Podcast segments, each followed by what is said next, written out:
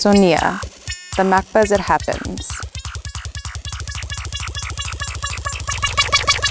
In their respective works, British artists Mark Fell and Joe Gilmore explore the possibilities of algorithmic processes applied to the creation of music, graphics, and installations. Fell and Gilmore are also the curators of the Radio Web MACBA program, Composing with Process, which recounts the history of generative music from different perspectives. Sonia talks to Mark Fell and Joe Gilmore about minimalism, complexity, abstraction, and the processes and concepts behind their audiovisual works.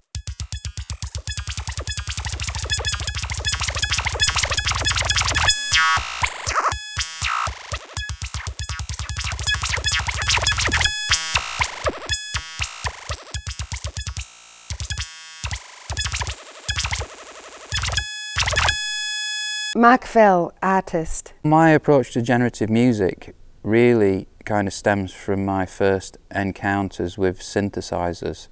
I kind of got hold of uh, a drum machine, like an old Roland drum machine, and some analog synthesizers, and realized you could kind of trigger things in a certain way to create patterns that you hadn't particularly expected or planned, or to create musical structures that just didn't repeat over the bar, sort of. So you might have a sequencer that's triggering a series of notes and, and it repeats itself over a long duration sort of. So really like uh, my approach to making music with systems and generative systems, actually all of it is derived from those kind of early encounters with uh, old analog drum machines and synthesizers. From drum machines to algorithms. For example, the 808 drum machine, which I could never afford, um, had a really nice way of entering notes. You had like these 16 buttons at the bottom, which represented the bar of music, and you could turn the notes on or off. Um, that to me was a really nice way of uh, dealing with rhythmic structures, sort of. Um, so like when I first learned, started to use software to make things, I'd kind of make things like that. And then like I thought, well, I can make systems that do that, that don't have to be so kind of determinate where I'm not actually putting notes in, but they're having a similar effect, but I'm using some numbers to generate that. And then from then on, just start to mess around with, uh, with the possibilities of that and just extending that really. And although like the, the, the patterns are kind of quite complex, the timing structures are pretty unusual. Um, I think they still have that kind of, uh, they still have a quality that is that references those kind of early techno musics like um, things by Peter Ford, for example.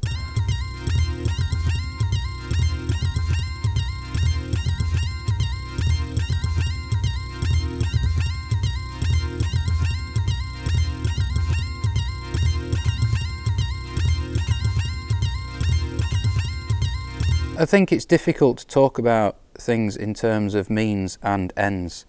I'm kind of not very comfortable with that um, division of things into tools and uh, artistic outcomes. When I'm working on stuff, if I'm reflecting on what I'm doing while I'm doing it, then that kind of model just doesn't seem to make sense really. And I think that's that's that's true of, uh, like I say, of most creative activity non-theoretical engagement with the world. I like a lot of what Heidegger said. It really fitted with my experience of the, the kind of social structures around me in the north of England. Like, for example, my dad, if he was building a, a one day he built an extension to the house, he didn't draw plans. He started off by just digging some, digging some holes, putting some cement in, putting some bricks down, and he made it up as he went along. He never had a plan, he just, he just did it. So like Heidegger for me was great because it really fitted with the values I'd got from my parents really, about um, the kind of uh, importance of non-theoretical engagement with the world as being more fundamental than a theoretical engagement with the world. Uh, God knows how that fits in with uh, the music I do.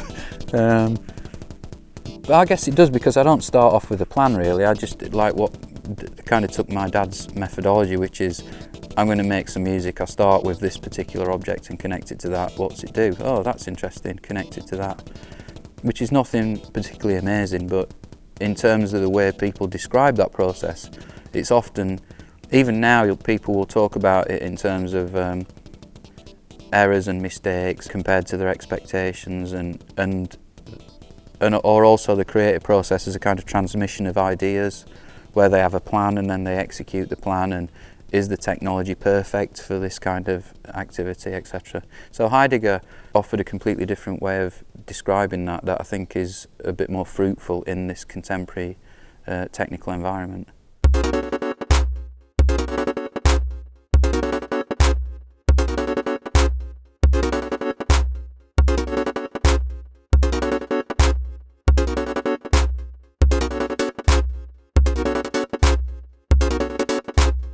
My main concern is does it look good? Does it sound good?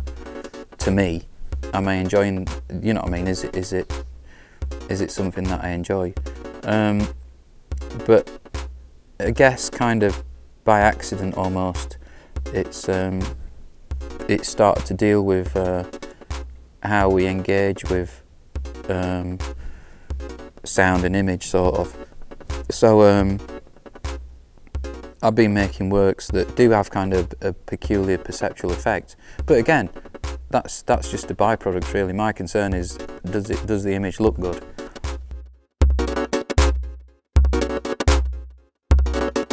On complexity. I use computers and stuff, and the music sounds like, or the, whatever I do sounds like, wow, that must be really complex. But if you looked at the software, it's really, really very, very simple.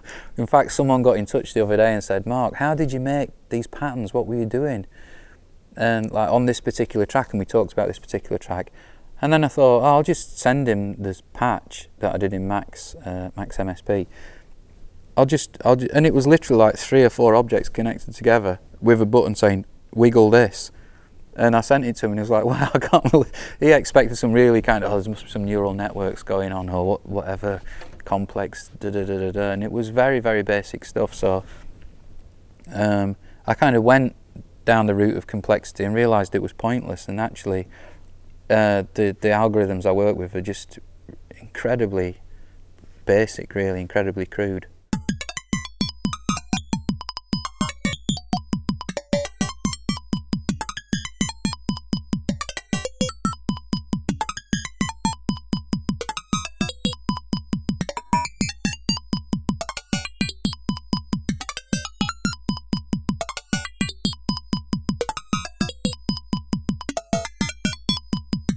What I'm doing, I wouldn't describe as abstract, but I guess maybe in a sense it is that is in that I'm just kind of dealing with very kind of key, uh, kind of very specific parts of of uh, certain things.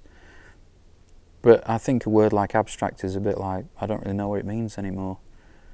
Another word that I really don't like is experimental, like um, like people say experimental music. But what music isn't experimental? John Cage, for example, said that an experimental um, piece of music is one where the outcome is not known. But there's lots of other kinds of different experiments, like where you're testing a specific hypothesis. And what kind of music is there? Like, what composer writes a piece of music already knowing the outcome? You know what I mean? Like, the, in, in most cases, composition is experimental. And I would say all culture is experimental all culture is a laboratory.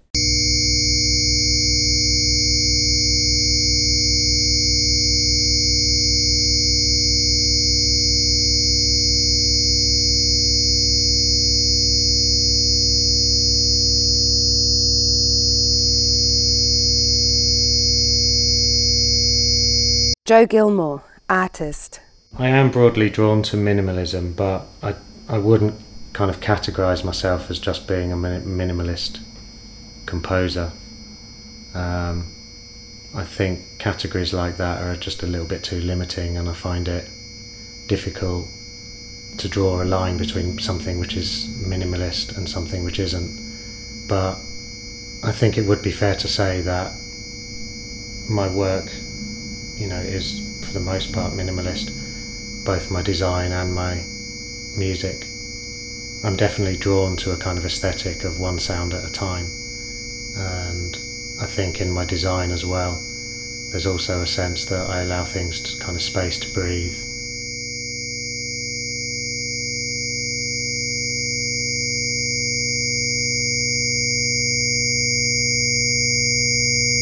I think in terms of the form, over the past year or two, I've been doing work which is very linear and very sort of tightly structured around um, kind of using the equivalent of points, lines, and planes in sound and exploring a kind of linearity through kind of extended tones and noise. But I think that's just a kind of formal concern. I don't think there's any particular message or philosophical position on that work. It's it's really just kind of about presenting um, something which sounds new or interesting. Entrance, exit.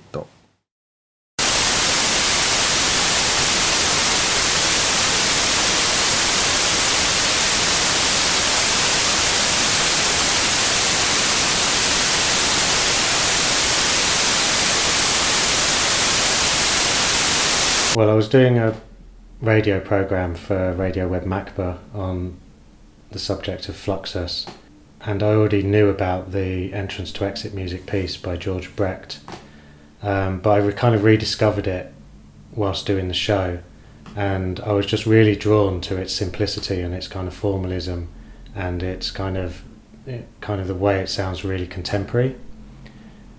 The piece consists of a linear transition between a sine wave and noise, and the title is announced at the beginning and then in reverse at the end. I kind of realised that it's some kind of weird palindrome in that the piece can be reversed in time, and the only thing that changes in the composition are the location of the sine wave and the noise. Essentially, they sound the same whether you reverse time or not. And because the title is forwards at the beginning and in reverse at the end, it works both ways.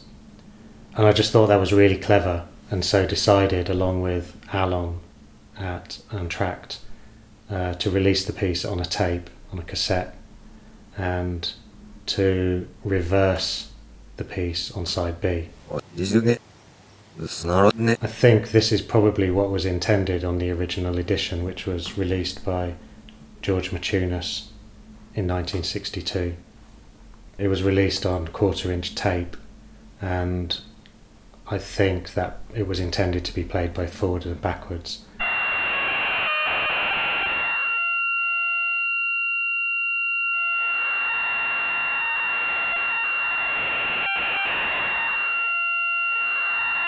References to the past.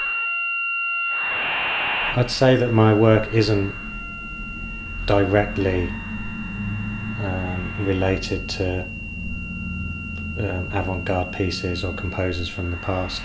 Um, I think it's hard to divorce any work from the past. I think that music is kind of part of a tradition, and that in some ways you kind of you can't help but inherit traditions from the past and be influenced by all sorts of stuff that you've been into.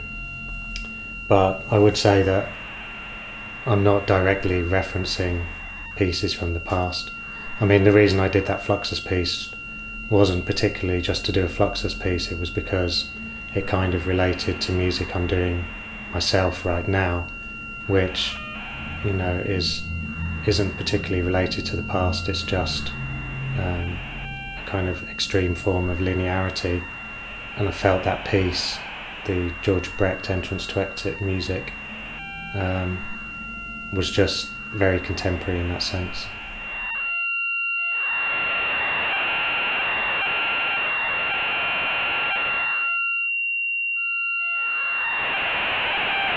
I do really appreciate early electronic music. Um, I've always really been into David Tudor and Xenakis. I've been aware of David Tudor's music since the early 90s, and I saw him perform a six channel piece at Mills College in Berkeley. Um, at the time, that music was just completely off my radar. I was just I kind of just discovered it whilst I was living in in the states, and prior to that, you know, I was listening to things like Throbbing Gristle. Um, it's probably fair to say that the music of Xenakis and Tudor and people like that have informed uh, my own music, but probably just as much as things like Throbbing Gristle and um, you know other stuff I was listening to as a teenager.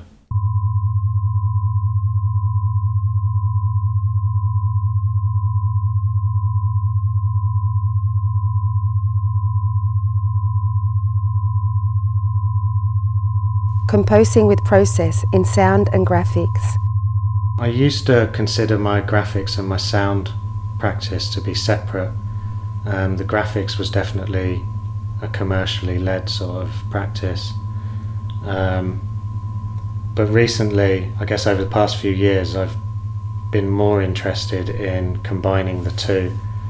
I think there are processes which I've kind of realized um, are working in both my graphic work and my sound work. So, thinking about things like composition and the processes underlying pattern and organization have influenced both. Um, I recently did a series of prints using an algorithm to determine a pattern of lines. Um, I'm interested in just seeing what the result of, of running through algorithms like this is.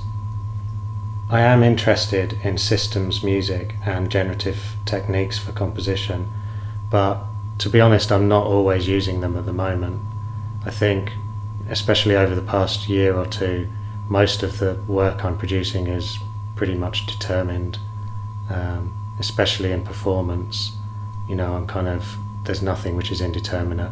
There might be some automated processes going on, but they're quite strictly controlled, and I kind of have complete control over what's going on.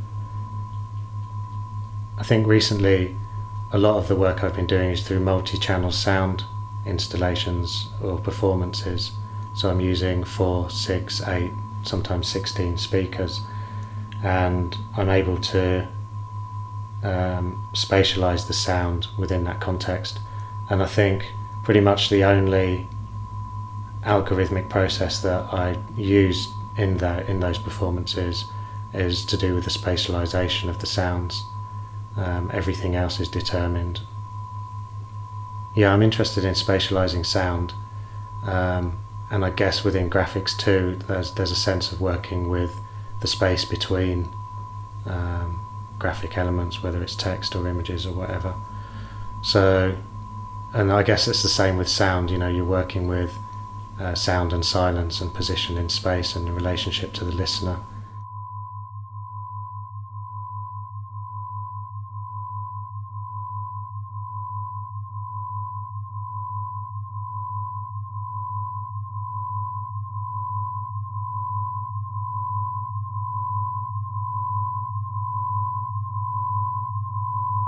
macba.cat